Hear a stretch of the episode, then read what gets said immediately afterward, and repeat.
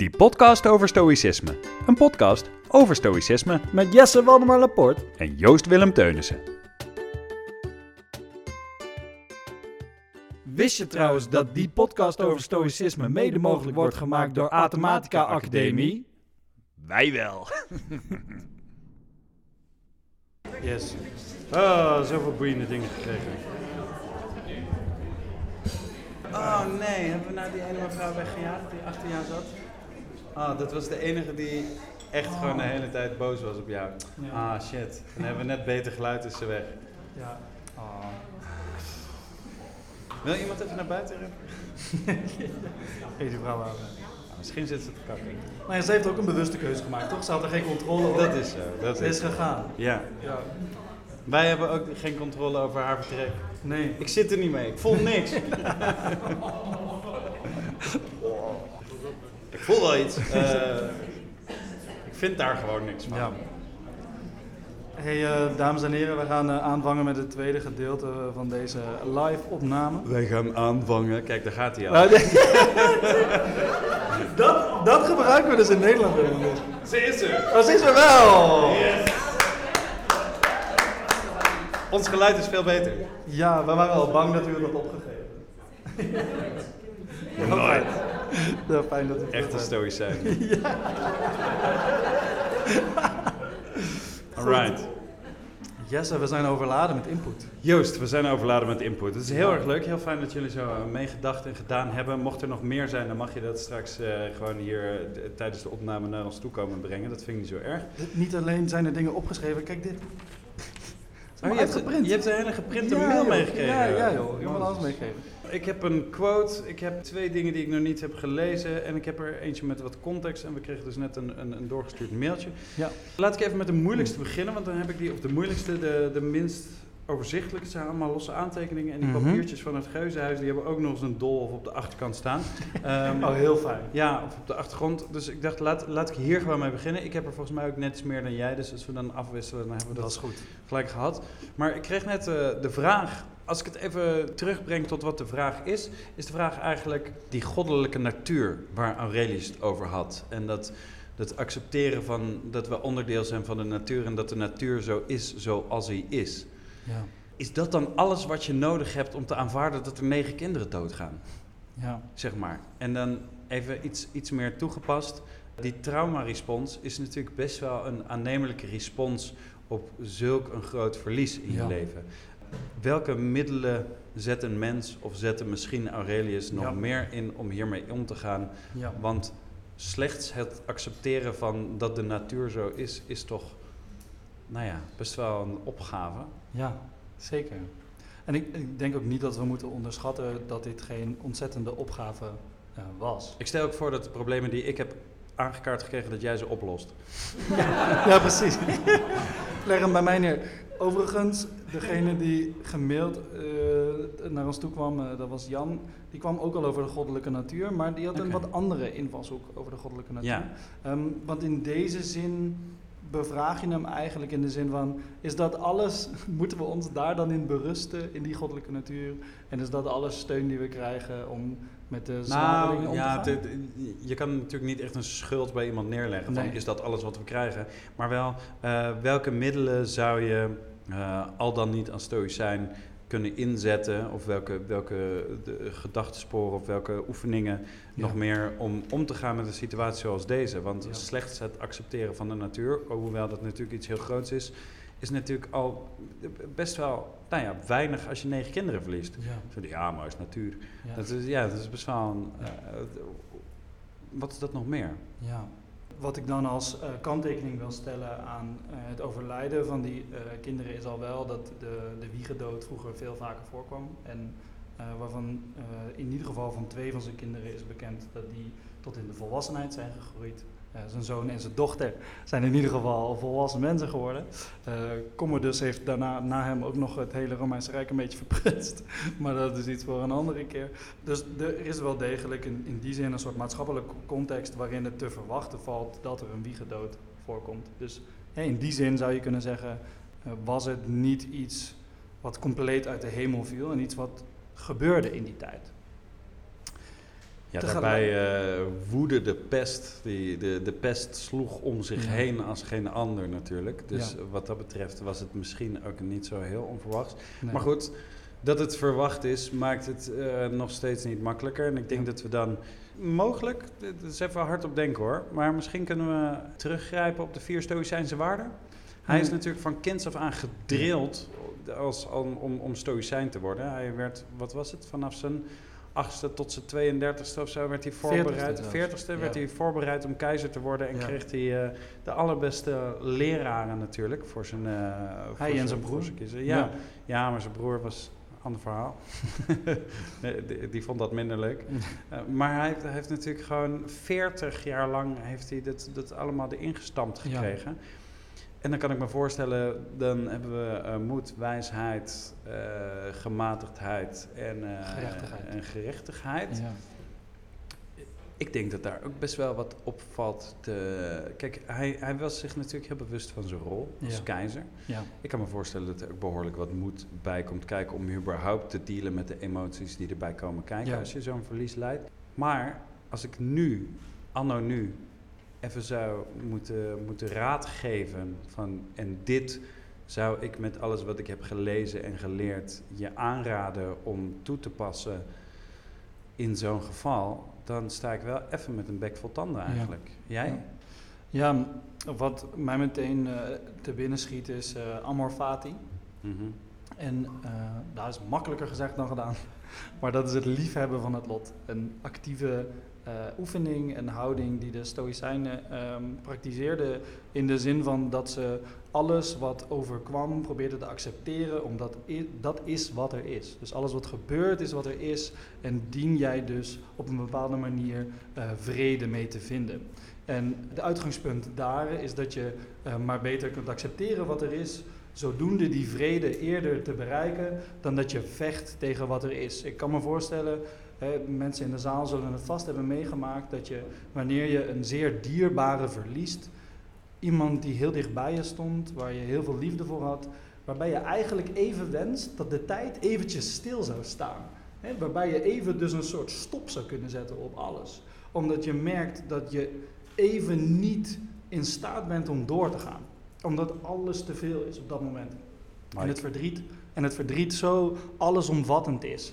En zoveel van je vraagt op dat moment. Dat het heel moeilijk is om door te gaan en om verder te kijken. En wat de eh, Stoïcijnen daarin eigenlijk eh, praktiseerden, was dat de wetenschap dat al die dingen gebeuren. En, en daarin ook eh, de wetenschap dat van tevoren weten dat er een moment zal komen, naar waarschijnlijkheid, dat bijvoorbeeld als kind je ouders zullen komen te overlijden.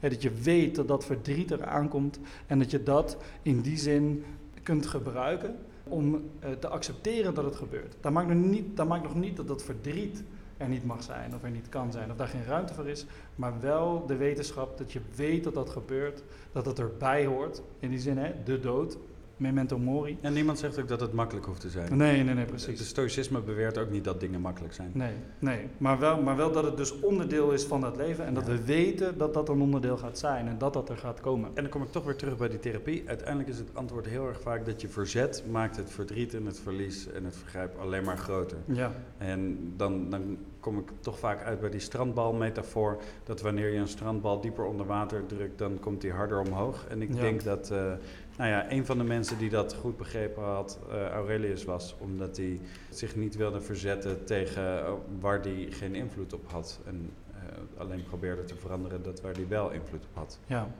Goed, hey, we hebben echt eh, superveel. Dus, ehm, Ja, laten we even doorgaan. dit, dit was er één en die kreeg ik van deze mevrouw. Waarvoor dank. Dan zou ik graag door willen gaan naar een, naar een thema wat er een beetje aan, aan vast zit. En als ik het zo mag parafraseren, Jan was een beetje boos. Want hij had een fragment erbij gepakt uit brief 41 van Seneca aan zijn met vraagtekens verzonnen pennenvriend Lucilius. Want wat ik begreep was Lucilius een persoon, maar eh, dat is een interessante vraag om eens eh, onderzoek naar te doen. Ehm, wat, Wacht even, was Lucilius fictief? ja, dat is, dat is wat Jan zich afvraagt. Oh, oké. Maar, Zijn er hier mensen in de zaal die dit weten? Nee. We weten het. Zoeken we op. Ja, ik ben gewoon nog steeds bang voor al die hoogleraren stoïcisme. Dat er eentje zo... Ja. Jullie praten ik, ik poep. ben dus Marcus. Zoiets. Ehm, eh, Jan pakt het volgende fragment uit brief 41 van Seneca aan Lucilius. Een goed mens zonder God bestaat niet. Wie kan Fortuna te boven komen zonder goddelijke steun? Het is God die edele verheffende gedachten ingeeft. Zo is het bij iedere van de goede mensen. Er woont een God in hem. Maar welke God, dat weet ik niet. Stel, je belandt in een woud vol knoestige bomen van meer dan normale hoogte, waar de hemel aan het oog wordt ontrokken door een dicht geheel van takken. Zo'n grijzig bos met zo'n afzondering en zijn diepe, ononderbroken schaduwen te midden van een open terrein zal je bewondering afdwingen en je geloof wekken dat er een godheid is. Of stel, je hebt een grot waar een hele berg op rust. Een grot die ontstaan is uit een diep uitgesleten rotswand. Niet door mensenhand gemaakt, maar door natuurlijke oorzaken uitgehold tot zo'n enorme ruimte, dat zal je ziel raken met een bepaald religieus besef. En Jan werd er boos van, zoals ik zei, want hij zei: Wat moeten we hiermee? Zeker, zei Jan in de context van dit huis van vrijdenkers en eh, wellicht goddelozen, eh, die ze misschien eh, bewust zijn afgestapt van bepaalde religieuze doctrines en daar bevrijd van zijn. En verdorie, daar komt hij weer om de hoek. De God en de goddelijkheid. Ja, op de vraag wat moeten we hiermee, denk jij helemaal niks. Eh, ja, nee, ja, je- nee, ja je, moet, je moet helemaal niks. Ja. Eh, wij hebben dat boek ook gelezen. Ja, En het, ja, het- ik heb zoveel geskipt. dat ik dacht, ja, ik weet, ik weet Ja. ook even niet. En dat, dat komt vanzelf wel weer een keer op zijn plek misschien. Maar maar hoe valt dat te plaatsen? als, ik even uh, terug ga naar eh, de aflevering waar we het hebben over een overlap tussen het existentialisme en het stoïcisme, Mhm. begrijp ik geloof ik goed dat de, stoi of de existentialisten die zeggen dat eh, God is de ratio.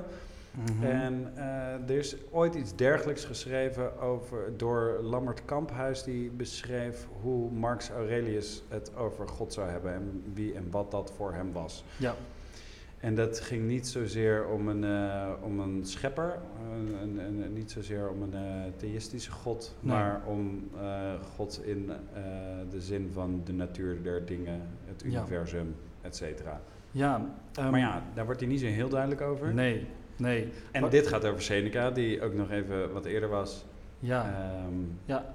Waar, waar we denk ik ook in die zin in politieke context bij stil moeten staan, is dat Marcus Aurelius als keizer de eerste keizer was die dus niet actief deelnam aan bijvoorbeeld de christelijke vervolging. mhm. En die was de eerste die zei, nou eigenlijk hè, naar eh stoïcijnse standaarden heb u, eh, net als de christelijke, heb u naaste lief. De, die, die vonden daarin overeenkomsten. Ik denk dat in die zin misschien hier een politiek spel gaande was, waarin de stoïcijnen misschien dat woord God geadopteerd hadden voor hè, een soort spel, waarin ze konden zien van hé, die christenen die kunnen ons nog wel eens van, van pas komen, dat kunnen onze eh, metgezellen zijn. Dat er die, in die zin is gekozen voor een soort synthese van beide. Maar dat, Ik had nooit gedacht dat je dit zou zeggen. Nee, hè? Nee, ik ook Nee. Eh, I love it. Nee, ja, ik, ik denk zelf best wel vaak dat, eh, dat er een overlap is tussen, tussen wat, wat, eh, wat moslims voelen, wat christenen voelen, wat, wat boeddhisten voelen, wat taoïsten voelen, wat, wat mensen die verlicht raken voelen. Ja. Ik, ik, ik denk dat, dat, dat die religieuze ervaring waar hij het over heeft gewoon iets universeels is en dat dit zijn, eh, zijn idioom was. En de idioom is, is eh, ja, woordenboek, zeg maar. Ja. Zijn, zijn, zijn taalgebruik daarvoor om het te duiden, omdat dat het dichtst bij kwam van wat hij bedoelt. Ja. Maar dat op dezelfde manier zoals je overweldigd kan zijn op het moment dat je op de top van een berg staat, kon hij dat wellicht in andere facetten des levens, om even eh, dom archaïs te praten. ja, en het is minder monotheïstisch in de zin van dat eh, God dan al die wetten en, eh, oplegt aan, aan Mozes bijvoorbeeld. Ja, het is geen religie. Nee, het is geen religie in die, in die, in die klassieke zin. Hè? Nee. Waarvan ik snap dat er een bepaalde haren, nekharen overeind gaan staan bij Jan in dit geval. Hè? En dat hij denkt, nou, eh. Ik, had, ik heb dat ook vaak. Als, Ja. ik, als ik over pijnzingen lees of meditations lees, Ja, dan denk ik ook, ja, daar hebben we het weer over God, maar wat, wat bedoel je? ja, Ja, Ja. ja. ja.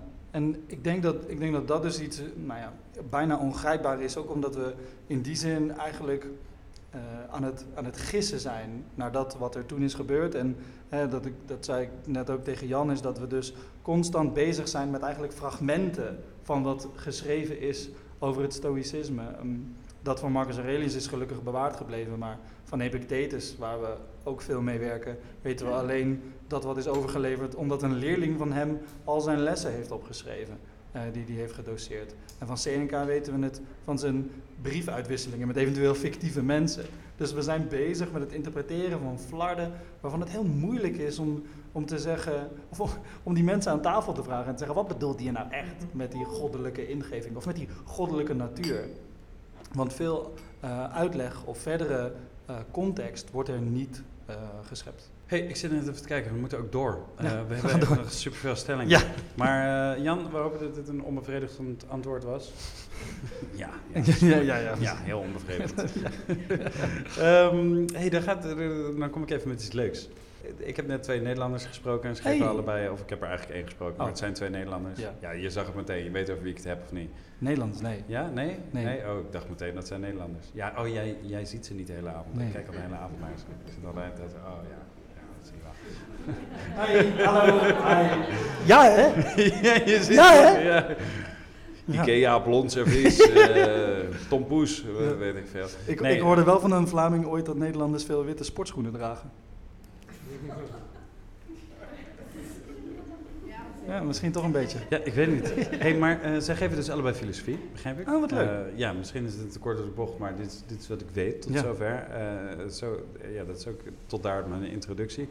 En die lazen een zin kwamen er niet helemaal uit, waren het ook niet met elkaar eens. En ik denk dat wij misschien op hetzelfde punt komen, ik weet niet. Maar het is, eh, het is, eh, het is een interessante zin. En jij weet nog niet waar het over gaat. En dat is uh, bij uh, 90% van onze podcast. Dan verzin ik iets of ik bereid iets voor en jij hebt geen idee wat er voor je kiezen komt. Inderdaad. De stoïcijnse gedachte dat we tegemoetkomen aan onze wil door het snoeien van onze verlangens is als het afhakken van onze voeten als we schoenen willen. Ja, ja oké. Dat vind ik een mooie stelling. Ja. Ik vind hem mooi omdat hij, uh, is recht door zee. En dus deze is eigenlijk uh, anders dan Marcus zijn godbeeld uh, makkelijker te duiden. In die zin dat de schrijver ervan duidelijk stelt dat uh, menselijke verlangens in die zin door stoïcijnen onterecht worden geduid als iets, nou ja, de, in de eerste plaats uh, waar je geen controle hebt en dus los op moet laten misschien. Of nou ja, je hebt er wel controle op in die zin in verlangens, maar dat het iets is wat niet inherent goed is. Immers zijn het geen hedonisten, in die zin dat ze lust niet constant nastreven, maar ik kan me voorstellen dat deze personen uh, dat dan duiden en in die zin zich afvragen: uh, mijn mooie nieuwe schoenen, is dat, dan, uh, is dat dan een verlangen waarvan een stoïcijn zou zeggen: weg ermee? Mm. Dus ik vind het een mooie, maar ik denk ook dat het de meeste stoïcijnen niet heel veel uit had gemaakt. In die zin dat de vraag um, per persoon heel multi-interpretabel zou kunnen zijn. Wij hebben het zelf ooit gehad over uh, kleding in een podcast en waarom de een uh, stoïcijn voorschrijft. Uh, Marcus Aurelius zei: draag het purper van, van de keizer. En waarbij andere mensen dan weer voorschreven om vooral sober gekleed door het leven te gaan en je verlangens te beteugelen. Ja. Hoe interpreteer jij deze zin? Ja, ik, ik wil hem een, een klein beetje proberen af te breken dat we tegemoetkomen aan onze wil, maakt dus dat er een wil is. Hmm. En dat die wil iets anders is dan onze verlangens. Daar ben ik al even. door te snoeien aan onze verlangens komen we tegemoet aan onze wil. En ik, oh vind, ik vind dat onderscheid toch al best wel uh, nou ja, ik, ik, krijg hem ook net natuurlijk maar gewoon... Uh, ik was dat laatste voor vergeten, ja. ja. dus door te snoeien aan onze verlangen komen we uh, tegemoet aan onze wil. Maar laten we zeggen dat onze wil um, iets, iets, iets, in die zin iets transcendenter is. Of in ieder geval iets meer overkoepelender. Dat onze wil iets groots is. Dit willen we bereiken met ons leven. We willen een goed mens zijn. Ik noem eens wat, zoiets. Dat dat onze wil is als mens. En dat ons verlangen kan zijn dat purperen kleed van de keizer. Ja. En dat om, onze, om aan onze wil tegemoet te komen, we in onze verlangens moeten snijden. Dat, Ja. is, dat is wat ik nu hardop denk. Ik ga Mhm. nu toch even met een schuine oog naar deze leraar kijken. Want ja, ik vind alles moeilijk om nu te zeggen. Want zij hebben het hier al over gehad. Ja, ja, ja. Sukkel. Nou? Eh, maar goed, die, die, die probeer ik al in ieder geval een beetje te differentiëren. Laten we zeggen dat het, dat het eh, op, op zo'n soort spectrum Mm. zich bevindt in ieder geval. Want wil en verlangens, ja, weet je, een verlangen en een wil, het ligt natuurlijk ook wel eng dicht bij elkaar. Maar laten we zeggen dat die wil gaat over, over, eh, over een groter plaatje van jezelf. En dat een Ja. verlangen een kortstondiger iets is. En dat die verlangens je in de weg zouden kunnen staan om te Ja. bereiken wat je wilt. Dat is, dat is denk ik alleen maar optioneel. Ik denk wel dat wat jij net zei over die kleden, kleren van de purperen, de purperen kleren van de keizer, weet ik veel, Ja. de blote keizer. Eh nou ja, Seneca die had ooit over dat eh, kom vooral niet aanpronken met je mantel, want je hoeft helemaal niet eh, mooi erbij te lopen voor je reputatie. Heb je niks aan, die is, Ja. die is weg als je straks dood bent. Zorg dat het functioneel is en zorg dat je niet opvalt. Zorg dat je niet schreeuwt, maar dat je gewoon praat. Doe dat soort dingen. Zorg dat het functioneel is. En ik kan me voorstellen dat je denkt, ja, maar zij hebben vet mooie mantels. Ik wil ook zo'n mooie mantel. Ja. Eh, dat het handig is om daarin te snijden om een, een sober mens te blijven waarin het niet naar je hoofd stijgt. Waarin je eh, dat plaatje wat je wil bereiken, namelijk goed mens zijn en Ja. filosoof zijn en dat soort dingen, dat je in bepaalde verlangens moet snijden. Aan de andere kant denk ik dat aan verlangens, dus hardop denken natuurlijk, maar dat aan verlangens ook iets ten grondslag ligt dat eh, ook gepaard kan gaan met jouw wil. Want die Ja. wil die komt ook maar ergens vandaan. Ja. En, en als die wil is, ik wil een goed mens zijn, dan zou het best wel vo- kunnen zijn dat een bepaald verlangen daaruit ontspruit dat er wel mee van doen heeft. ja. Dus ehm, In die zin is het heel multi-interpretabel. Ja. ja, of, of dat, je, dat je het snijden in je verlangens betekent misschien niet al je verlangens afsnijden. Mhm.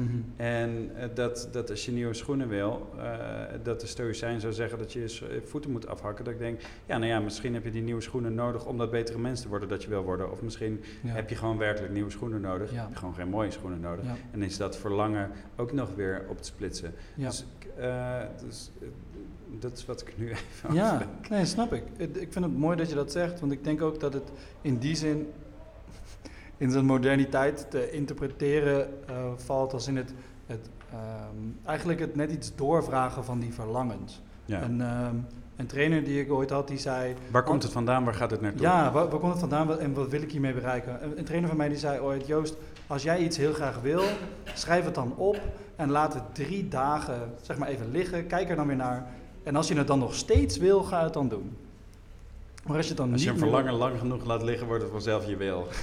Nee, niet, niet per se, maar het is meer, is het dan een kortstondig verlangen? Ja. Of, of is het iets wat bij jou resoneert, wat bij jou past, wat bij jou hè, mens hoort in die zin eh, in de doelen die je stelt, in het pad wat jij wil bewandelen als mens?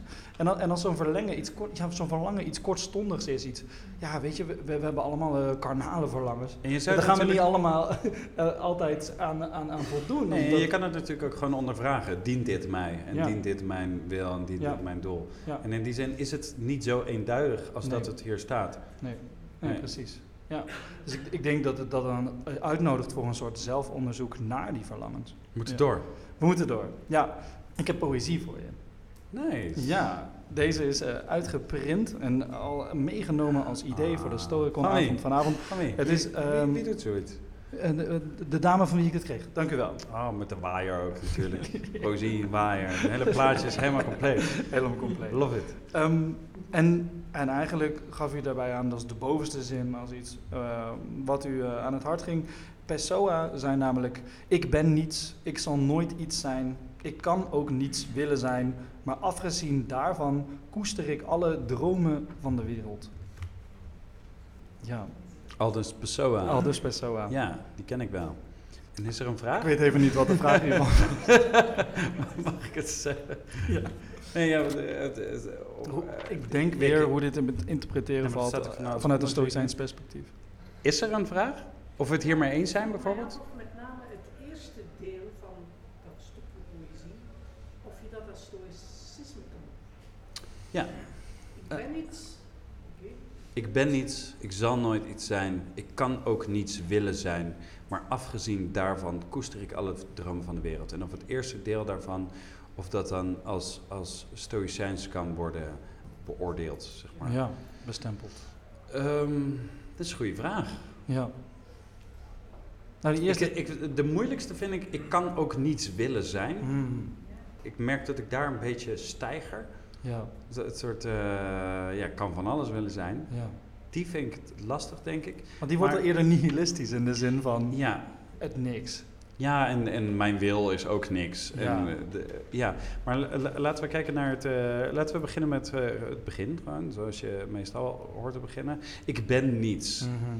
Als je dat, als je dat eh, ook weer probeert af te breken naar iets, dan zou je kunnen zeggen: ja, in zekere zin ben ik een schakel in het geheel van het Ja. universum. Dat komt en het gaat. En in principe is het eh, uitgezoomd, betekent het helemaal niks. Nee. Maar ingezoomd ben ik een wezenlijk onderdeel, want eh, butterfly effect, zeg maar. Ja. Dus ik, ik kan verandering teweeg brengen in de wereld. En op het spectrum van de tijd ben ik onzichtbaar, maar in mijn eigen tijd ben ik tegelijkertijd eh, van belang. En ik denk dat met die twee facetten ik nu even aan het worstelen ben. Ja. Want je, je bent inderdaad zowel iets als niets. Ja. In die zin. En zonder, als, als iedereen niets was, dan had er nooit iets bestaan. Dus is iedereen iets. Eh, maar tegelijkertijd hebben we eh, al die ietsen nodig om pas iets te zijn ja, in het spectrum van tijd. Precies. Als dat al bestaat. Er is een vraag achter. Eh, wa- wat er zojuist wordt gezegd vanuit het publiek is dat, dat Sartre schreef dat hij eh, geen essentie zou hebben. Ik ben iets, want ik heb geen essentie. Zin. Mhm. En probeerde even te, te interpreteren wat dan essentie is. En een essentie is zoveel als dat als die essentie er niet is, die persoon er niet is. En Ja. eh, omdat een mens dat niet bezit, de mens geen essentie heeft. En dat we dat zouden kunnen plakken op. Mag ik even de tekst? Ik ben niets. Ik zal nooit iets zijn. Ik kan ook niets willen zijn. Maar afgezien daarvan koester ik alle dromen van de wereld. Ja. Ik, eh, ik ben helemaal van mijn apropos. ja, ik zit, nou, ik zit nou helemaal met die essentie. Ja. Eh, ik denk dat... Ja. er komt nog iets bij. Ja, over dat derde deel, je zei daarnet, ik heb moeite met dat stukje, ik kan ook niets willen zijn. Ja. Maar ik lees het meer een beetje af waar, de, waar je de klemtoon legt. Mhm. ik, kan, ik kan ook niets willen zijn. Ja. Ah. Nee, zo had ik hem al. Zo lees ik het. Ja, nee, ik had, ik had hem op allebei de manieren gelezen en toen bleef ik worstelen. ja. Want eh, ik ben niets, maar ik kan ook niets willen zijn, botst ook alweer.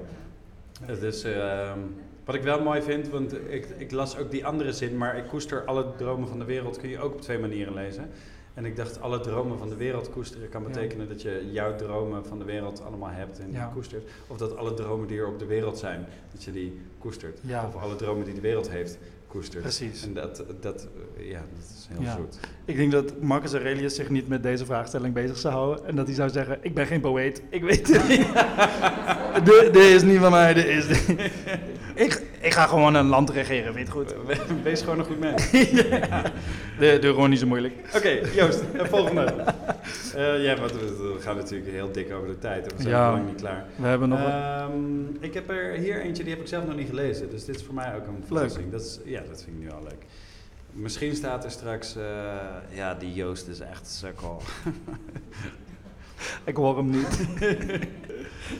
Ik mis soms een sociaal-maatschappelijke context in het stoïcisme en vraag me dan af of Marcus Aurelius dezelfde visies, visies had neergepend als hij geen keizer, maar een slaaf was geweest. Interessant. Zouden er ooit maatschappelijke omwentelingen, zeg maar revoluties geweest zijn, als alle burgers stoïcijnen waren geweest? Punt. Heel mooie vraag. Mag ik, Ja. vragen, mag ik vragen van wie deze vraag komt? Ja. Ja, Wat- deze, deze gaan we inlijsten in onze Ja, studio. fantastisch. Hij heeft ook meerdere lagen, als ik hem zo mag onderscheiden. Ja, dit is niet maar één vraag. Nee, precies. precies. We- we- want we raken nu denk ik meerdere thema's. Maar als we beginnen bij het begin. U mist soms een sociaal-maatschappelijke context bij het stoïcisme. En u vraagt zich dan af of Marcus Aurelius dezelfde visies had neergepend als hij niet keizer, maar een slaap was geweest. Nou, eh, leuk. Mijn heer. Ja, nou ja, dat, Ja. ja. dat, eh, wilde, daar wilde ik meteen over Ja. beginnen natuurlijk. Eh, sorry, ik spreek het uit als Epictetus, eh, wellicht zit ik ernaast. Eh, maar die was natuurlijk een slaaf, dus Ja. dat is interessant. Ja. En eh, ja, zet dat ook maar eens tegenover elkaar. Ja, Want zij waren natuurlijk allebei de, de nieuwe Stoïcijnen, ja, kunnen we zeggen. ja, Ze, zij zitten niet in het straatje Nee. Zeno ja. of eh Cleantes. Nee, nee, precies. Cleantes. Of uh, Cleantes. Chrysippus, de eerste drie. nee, Ja. ja. precies. Nee, die zitten daar niet in. Ehm, maar om even in eerste instantie op dat sociaal-maatschappelijke context in te gaan. In een van onze afleveringen hebben we het daar ook even over. En ehm, er is een quote die vaak wordt aangehaald, zeker om de ethische moraal van het stoïcisme uit te leggen. En dat is de, de quote: wat eh, goed is voor de bij, of wat niet goed is voor de korf, is niet goed voor de bij. Of wat goed voor de bij is, is goed voor de korf. En in die zin Wat goed is voor de korf is goed voor de bij, die, denk ik. yes, dankjewel. en in die zin wordt daarin eh, vaak ver- verklaard hoe je in die zin als persoon altijd moet nadenken over dat wat op jou betrekking heeft, ook betrekking heeft op een grotere groep mensen. Dus wel degelijk eh, het maatschappelijke aspect in ogenschouw nemen. En waarbij, nou ja, niet Marcus Aurelius dus, maar Epictetus ook in zijn leefregels, in, in zijn, zijn eh, absolute regels over het, over het leven ook heel duidelijk stelde dat we proberen moeten goed te doen aan onze naasten. Dus dat er in die zin altijd een heel sociaal-maatschappelijke eh, context in verweven zit.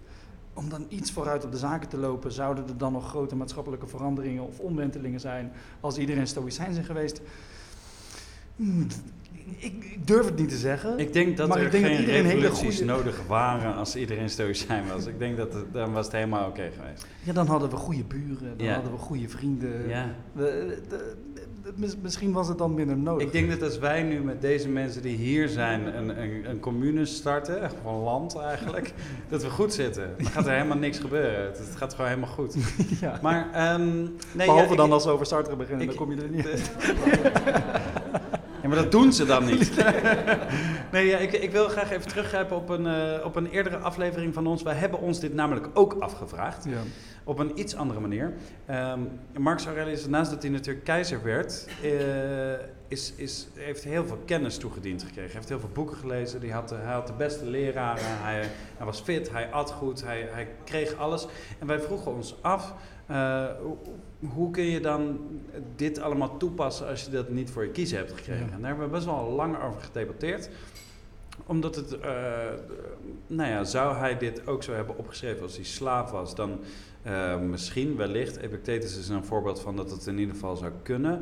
Maar ook wat nou als je dit gewoon allemaal niet erbij krijgt? En toen hebben we een soort gedachte-experiment gedaan waarbij we ons afvroegen, als een kind uit een arm en gebroken gezin opgroeit, zou dat kind dan tot de kennis kunnen komen van dit zijn de dingen waar ik controle over heb en dit niet? Ja. En dat dat eh, sociaal-maatschappelijk inderdaad best wel een ingewikkelde kwestie is. En dat Ja. het, eh, mocht je, eh, nou ja, IQ-technisch een eind achterlopen, mocht het zo zijn dat je echt met hele andere problemen worstelt en dat je het gewoon echt niet, echt niet eh, in je schoot geworpen krijgt, Ja. dat het best wel moeilijk is om die kennis te verwerpen, Ja. eh, verwerven. Eh, wat niet maakt dat het onmogelijk is, want het Ja. is juist om te dealen met die problemen zou je best wel goed uit kunnen komen bij het stoïcisme. Het is een heel, naast een heel praktische, is het ook een heel eenvoudige filosofie eigenlijk, de kern ervan in ieder geval. ja. Alleen is het denk ik inderdaad zo dat Marcus Aurelius zijn boek was nooit zo bekend geworden en zijn, ehm, zijn insteek was wellicht anders geweest. Dat kan Ja. ik me goed voorstellen. Hij heeft, eh, wat, wat voor mezelf vooral van waarde is, is dat we zowel Epictetus als Aurelius hebben, omdat we dan dus kunnen zien hoe dat van twee kanten wordt benaderd. En Ja. hoe een keizer zegt eh, wat niet in het belang is, of wat in het belang is van de korf is in het belang van de bij. En ik moet, ik moet eh, nederig zijn en dat, dat juist de slaaf zegt van oh, ik ben net zo belangrijk als mijn meester en eh, alles, alles is oké.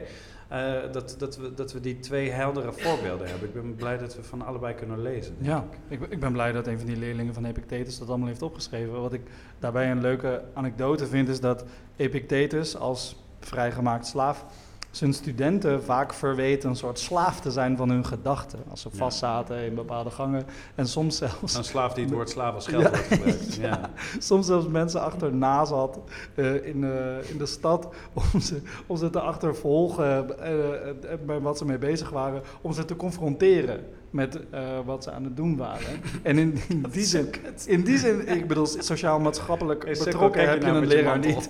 Nee, nee maar, maar in die zin, kijk, en ik snap wat, eh, wat nodig is in een ehm, sociale maatschappij, in, in, in chaos, in eh, omwenteling, in, in, in, in oorlog of in andere grote crisissituaties. In, in Nederland tellen we de crisissituaties inmiddels op twee handen, want we hebben er zoveel. Ik denk, ik denk in België ook genoeg. Hè? Waarbij we Dus zaten jullie niet zeven jaar zonder regering of zo? Waarbij we in zekere zin, ehm, je zou kunnen zeggen, en dat, en dat zeggen alle opstandelingen vaak, je, je woede is een gift. En, en je woede is een gift om verandering, maatschappelijke verandering door te zetten. Daar is een bepaalde woede voor nodig. Want het is woede jegens onderdrukking. Het is woede jegens ongelijkheid. Het is woede jegens alle oneerlijkheid. Hè? Van de rijken die steeds rijker worden en de armen die steeds armer worden. Dus ik kan me in die zin heel goed voorstellen dat als je zegt als we allemaal lekker tevreden gaan lopen zijn als stoïcijnen, we zitten allemaal dat, er, dat er dan een aantal mensen ontzettend profiteren. Ik ben voorstander. Hè? Ik, ben Ja, ja. helemaal, ik ben helemaal eens met dat laatste deel. Eh, zou er revolutie zijn? Nee.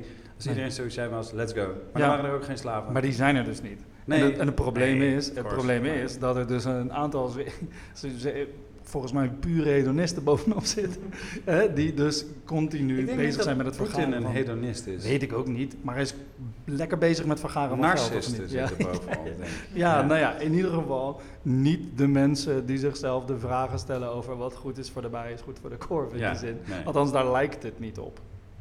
Rusland is de korf. ja, sorry. Hey Joost, hoeveel heb jij er nog?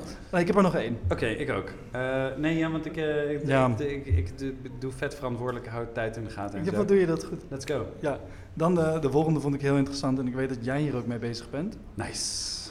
Kunnen ehm stoïcisten aanvaarden, Stoïcijnen. stoïcijnen, stoïcisten, eh, stoïcijnen aanvaarden dat onze innerlijke monoloog eh, vervangen wordt door artificiële intelligentie die de stem op, van natuur vertolkt. Wil je dat nog een keer zeggen?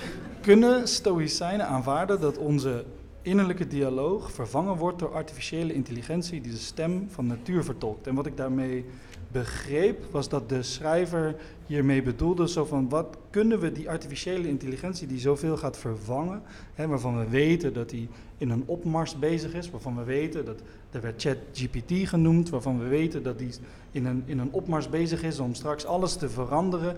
Dat zien wij als een probleem, werd gezegd. Ik niet. Nee, kunnen, nee, maar, maar, maar dan, da- dan ben ik benieuwd wat je daarover denkt. Want kunnen we dat als stoïcijnen aanvaarden? Want gaat dat dan niet in strijd met die natuur, werd gevraagd. Weet je door wie dit werd gevraagd? Eh, waar zit u? Daar. Ah, kijk. Oh ja, ik heb jullie zien praten. Ja. Nou, er zit natuurlijk één aanname in. En dat is dat die innerlijke dialoog vervangen gaat worden. En ik, ik denk dat dat zelf, dat is- nogmaals, de- deze hele podcast is hard op denken. En zeker de tweede deel, hier zit nul voorbereiding in. Ehm, maar eh, ik, ik denk dat juist die innerlijke dialoog, mag ik hem, mag ik hem Ja. eens bij voordat ik iets doms ga zeggen? Kunnen zo zijn, zijn voor de eh, innerlijke monoloog. Ik denk dus dat de innerlijke monoloog een van de weinige dingen is die, die, de, die de AI niet kan vervangen. Ik denk dat die heel vaak wel een gevolg kan zijn van onze omstandigheden. En dat dat altijd al zo is. Het volk, de tv, de radio, de krant, Ja. de, de school, weet ik veel. En wellicht zijn hier heel vaak zorgen over geuit. Van ja, maar wat nou als de tv onze innerlijke de, eh, dialoog eh, vervangt? Of monoloog moet ik zeggen. Ja. Hier staat monoloog. Innerlijke monoloog, dat is interessant. Ehm, maar er is, is een vervolg, er is een bijzin die zegt dat de, de AI dat die de stem van de natuur vertolkt.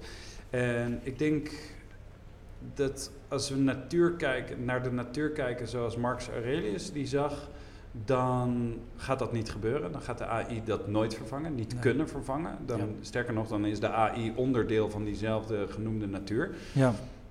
Eh, als we kijken naar de natuur eh, als een, eh, meer in de zin van milieu, van ons maatschappelijke, sociaal-maatschappelijke, klimatologische milieu, dan niet klimatologisch, alleen sociaal-maatschappelijke milieu, dan zou je kunnen zeggen dat die inderdaad veel invloed heeft op ons en onze monoloog, maar dat dat denk ik nooit anders is geweest. Dat Nee. altijd onze omgeving invloed heeft gehad op onze mono- en dialoog aan de binnenkant. Ja. Ik denk zelf dat eh, voorlopig we echt niet zo bang hoeven te zijn eigenlijk voor de AI, omdat die eh, voorlopig een gereedschap zal zijn Ja, en alleen maar bestaat bij gratie van de mens. ja, Eh, sterker nog, misschien zelfs alleen maar bestaat bij gratie van de menselijke monoloog die ermee gevoerd wordt.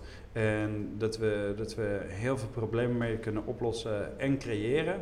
Maar dat dat, dat allemaal eigenlijk voortkomt uit dat innerlijke gesprek van de mens. ja. Eh, Ja, dat- dat, dat is wat ik denk. En Ja. ik ben, eh, nou ja, ik, ik werk natuurlijk onder meer als schrijver. En daarmee zou je kunnen zeggen dat eh, AI een gevaar voor mijn vak is. Maar ik ben het tegenwoordig ook gaan inzetten omdat ik niet wil achterlopen op begrijpen wat mijn eventuele concurrent Mhm. dan straks wordt. En ik merk dat het voor mij werkt en niet andersom. Het, Ja. het, is, het, het doet niks. Ik, ik zit niet om werkverlegen. Nee. Je hebt je eerste gedicht al geschreven met art- artificiële ja, ik heb er al intelligentie, mee opgetreden. En Ja. mensen vonden het geweldig. Die zeiden, wat leuk dat je dat daarmee doet. Ja. ja. En wie kreeg er geld? AI of ik? Wat ik.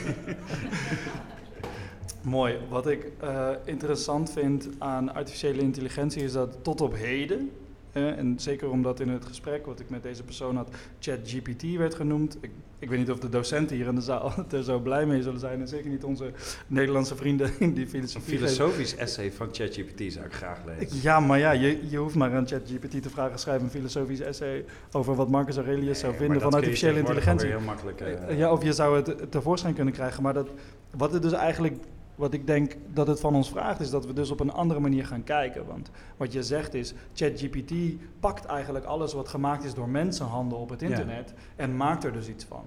ja. Wat, wat straks nog wel wat erger gaat zijn, of wat, wat een vergrotende trap gaat zijn, is quantum computing. Mhm. Waarbij het niet langer Ja. afhankelijk is Dan van- wordt het eng. ja, van wat wij op internet hebben gezet. Dus waarbij het niet meer een kopie is, maar waarbij het zich voor kan doen als een mens, waarbij het alle testen van, van menselijkheid doorstaan En het is kan. niet meer, niet meer binair. nee, en het is niet meer binair, maar het gaat Ja. alle kanten op en het Ja. kan alle kanten op. Dan eh, moeten we duidelijker gaan kijken naar... Quantum computing, dat moeten we stoppen. Dat is eigenlijk het punt. Dat is echt... Ja. En, ja, maar ja, voor, voor de, kijk, ik denk dat op het moment dat je quantum computing echt begrijpt, ben je ermee bezig. En, en de rest is ook een beetje aan het gokken naar wat het allemaal kan behelzen. Ehm, er zijn een heleboel geleerden die zeggen dat het ons ontzettend verder kan helpen, maar dat het en dat leert onze technologische ervaring ook, is dat we eerst een soort van de ontwikkeling hebben. In een plat voorbeeld, we hadden eerst de drone. En toen kwam alle regelgeving met betrekking tot waar je met dat ding mag filmen of niet. Nou, ik, ik praat dus En dat heel- is bij quantum computing denk ik straks ook, dat we heel goed moeten kijken, misschien wel van tevoren, en weten dat komt er straks aan. En we moeten heel goed kijken naar welke regels Ja, maar we lopen altijd achter de feiten aan. En Ja. dat, is, dat is ergens ook prima. Dat Ja. is kennelijk hoe we leren. Maar ik praat dus heel veel met, eh, met universiteiten, met zorginstellingen, met, Ja. eh, met, met innovatieve instellingen. En ik word echt heel erg blij van die AI hierin. Maar echt heel erg. Dit lost zoveel op. Er zijn bepaalde ziektes waar gewoon maar zes dokters ter wereld op Ja. afgestudeerd zijn. En opeens heb je zes dokters ter plekke in één AI. Ja. Je hebt AI wordt ingezet in pacemakers. Het, Ja. het, het, het maakt heel veel uit. En het komt allemaal uit mens. We gaan nu een hele andere discussie Ja. voeren. Ik moet ermee ophouden. dat was helemaal niet de vraag. We gaan naar de laatste vraag toe, want we Ja. leven al om half tien. Eh, hoe kijkt een stoïcijn naar de menselijkheid om ons als mensen empathisch naar elkaar op te stellen? Of zien die, zou die dat niet zozeer mens, wenselijk vinden? Hoe kijkt een stoïcijn naar de wenselijkheid, wenselijkheid, de Oh. M en de W, eh, het- het- het is aan elkaar geschreven, dus Ja. dan krijg je dat. Ah, ja.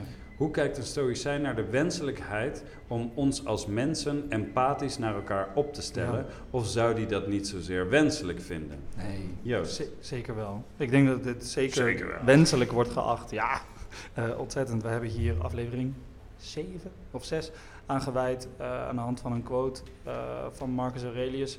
Ehm, Marcus Aurelius in zijn boekje schreef vaak naar zichzelf: wees streng voor jezelf, maar aardig naar anderen. Ja. En ehm, eh, brand anderen niet af ehm, eh, in die zin, maar eh, ja, wijs ze als het ware vriendelijk op hun, eh, op hun fouten en laat het dan los. Laat het dan aan die persoon.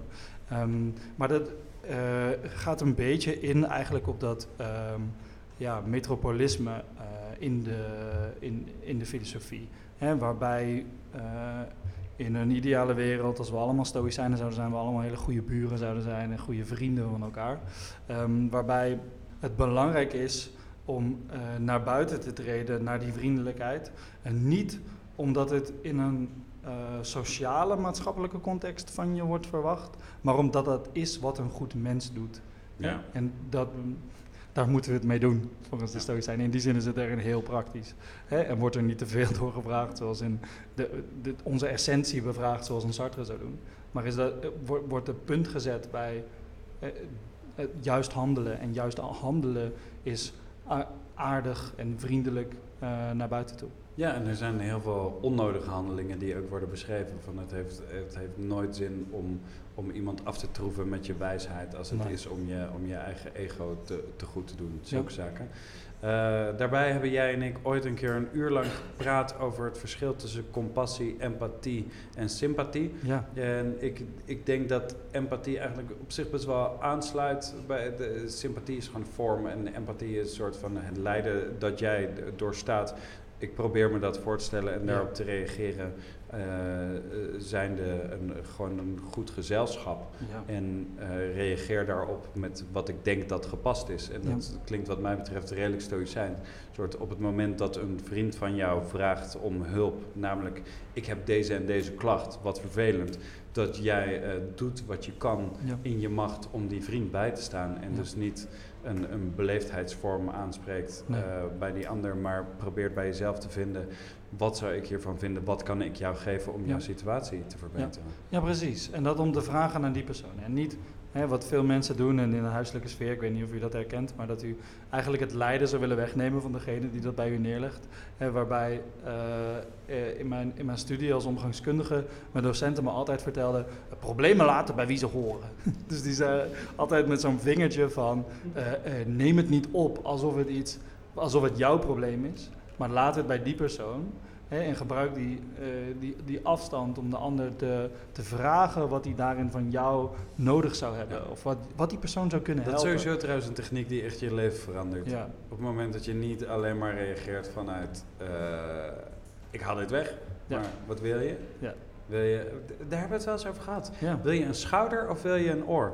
Ja Toch? mooi. Ja, volgens, Ja. mij, volgens mij hebben we daar Zoiets was het. Ja, we te veel op naast. Ja, wil, wil- wil je klagen of wil je huilen? ja, Wil je, wil je troost of wil je eh, een oor? ja. Ja, En dat is misschien in eerste instantie een, een gekke vraag hè, voor iemand die ergens mee zit. Maar het verduidelijkt Ja. een hoop in de wens en verlangens van die persoon. ja, ja, maar zou je het fijn vinden als, je, als ik je nu gewoon in, in dit cirkeltje laat schelden omdat je boos bent? Heb Ja. je daar meer aan of wil je dat ik zeg, hey, het komt wel goed? En Ja. dat, dat kan gewoon heel veel uitmaken. Ja.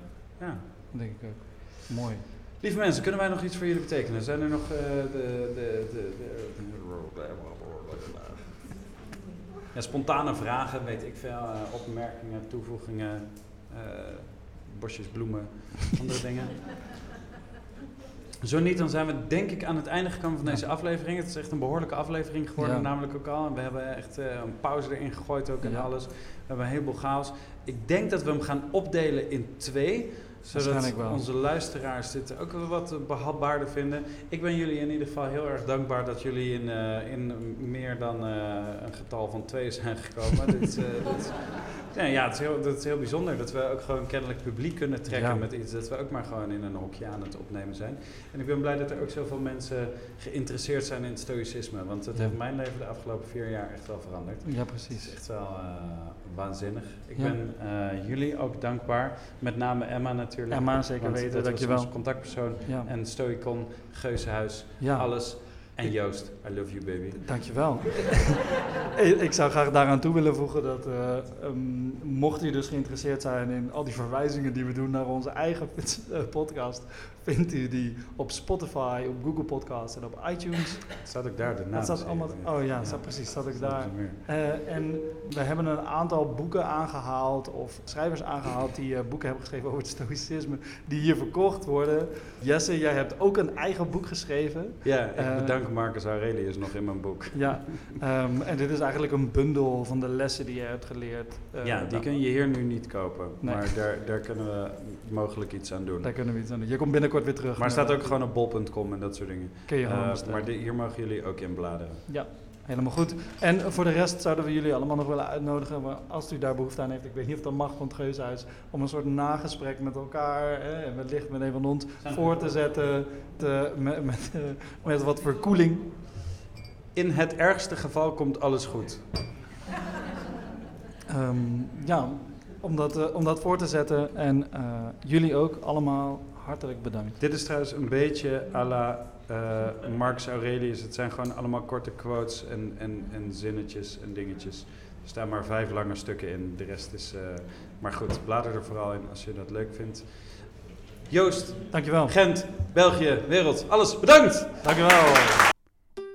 Dit was weer een aflevering van die podcast over stoïcisme. Bedankt voor het luisteren.